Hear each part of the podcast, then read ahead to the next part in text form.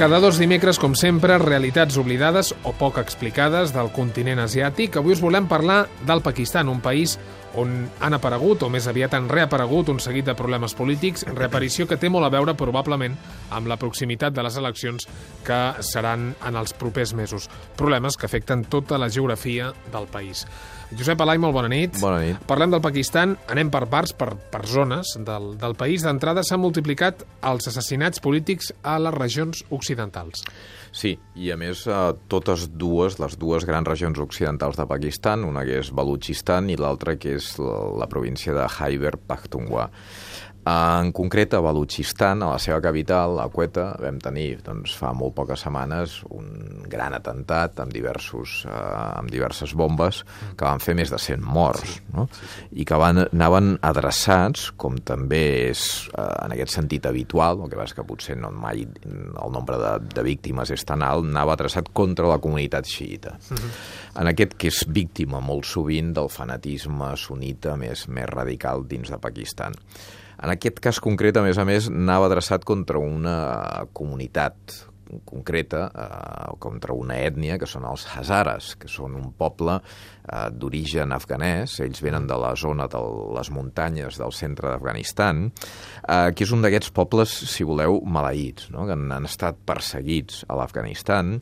Eh, a l'Afganistan segurament no només per la seva branca musulmana, per ser xiites, sinó també perquè d'aspecte eh, són diferents a la resta de pobles que hi ha a la zona, no són pobles d'origen indoeuropeu, són pobles d'origen turco-mongol, els hazares, mm. per tant tenen un aspecte diferent, asiàtic, que sempre s'ha associat amb antics guerrers mongols que van quedar aïllats a les muntanyes de l'Afganistan. I això ha sigut un estigma que han viscut al llarg de tota la història, perquè sempre han, doncs, han tingut els, les pitjors feines, han estat marginats a la societat afganesa i sobretot a la capital de Kabul, i, i durant la guerra van rebre doncs, moltíssim, no? i es van cometre autèntics crims de guerra contra la comunitat hazara, sobretot per part dels islamistes més radicals. Mm. Això mateix els està passant al Pakistan, perquè hi ha una part d'aquesta comunitat hazara que es va estendre en una diàspora per tota la zona d'Àsia Central i d'Àsia del Sud, cap a Iran, mm. país xiita, de majoria xiita, i cap al Pakistan.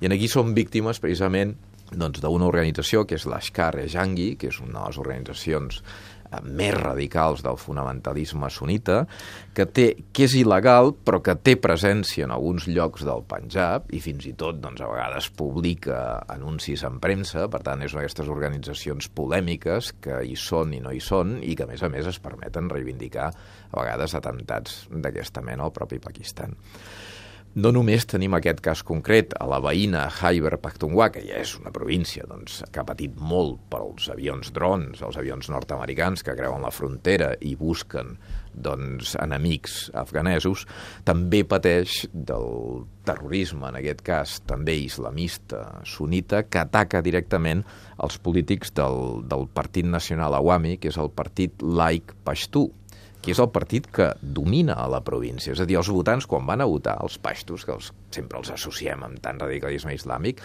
justament en aquesta província del Pakistan voten un partit laic i darrerament els seus polítics també són objecte d'aquests assassinats polítics. Mm -hmm.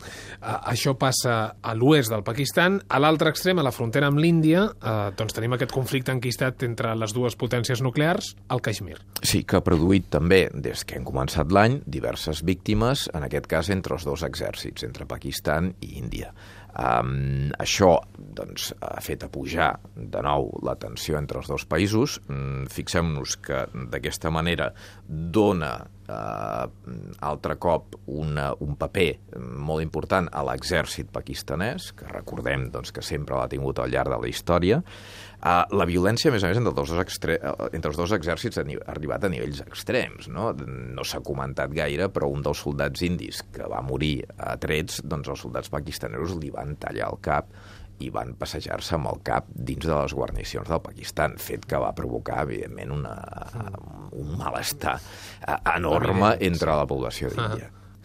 I eh, enmig de tot això, amb, amb el rerefons de, de la corrupció i d'un suposat intent de regenerar la política pakistanesa, tenim aquesta protesta d'un predicador sufí que va portar desenes de milers de persones fins a la capital, fins a Islamabad. Sí, en la llarga marxa que ell va anomenar, sí eh, que doncs, eh, va estar tres dies ocupant la zona de davant del Parlament eh, pakistanès, eh, els membres del qual, recordem, escollits a través d'unes eleccions, no dic més, però eh, doncs, qualificant-los doncs, de corruptes, de lladres, de delinqüents, etc etc, un discurs doncs, que hem sentit habitualment a molts llocs, sobretot també l'hem sentit en les zones de les primaveres àrabs i s'ha volgut comparar doncs, aquest moviment de Muhammad Tahir ul-Qadri, que és com es diu el, el, el, el predicador sufí, amb la primavera àrab que es va viure a la plaça Tahrir, eh? I, i que semblava que anàvem clarament a una situació similar, és a dir, una ocupació de l'espai eh, públic a la capital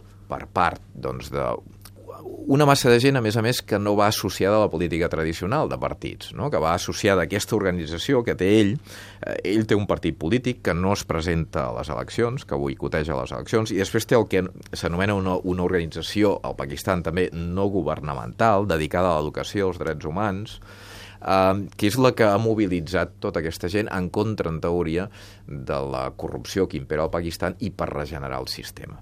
Els dubtes arriben, doncs, en primer lloc, en el Pakistan se l'acusa d'estar eh, teledirigit per alguna potència i probablement occidental. Ell té doble nacionalitat, té nacionalitat canadenca perquè ha viscut molts anys al Canadà.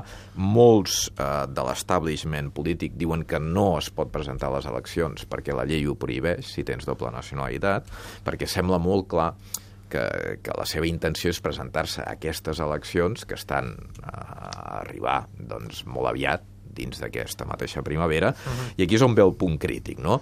Uh, no només hi ha aquestes acusacions, sinó que també hi ha, almenys a la premsa pakistanesa, hi ha la sospita, o s'ha generat la sospita, que és el mateix exèrcit del Pakistan el que està donant, si voleu, combustible a Muhammad Tahir ul-Qadri per tal d'impedir que se celebrin aquestes eleccions, que serien les primeres en molts, molts anys al Pakistan en què hi podria haver-hi un canvi de govern mm. eh, sense la intervenció de militars, que fos doncs, a través d'unes eleccions entre doncs, moltes cometes democràtiques, però al cap i a la fi unes eleccions.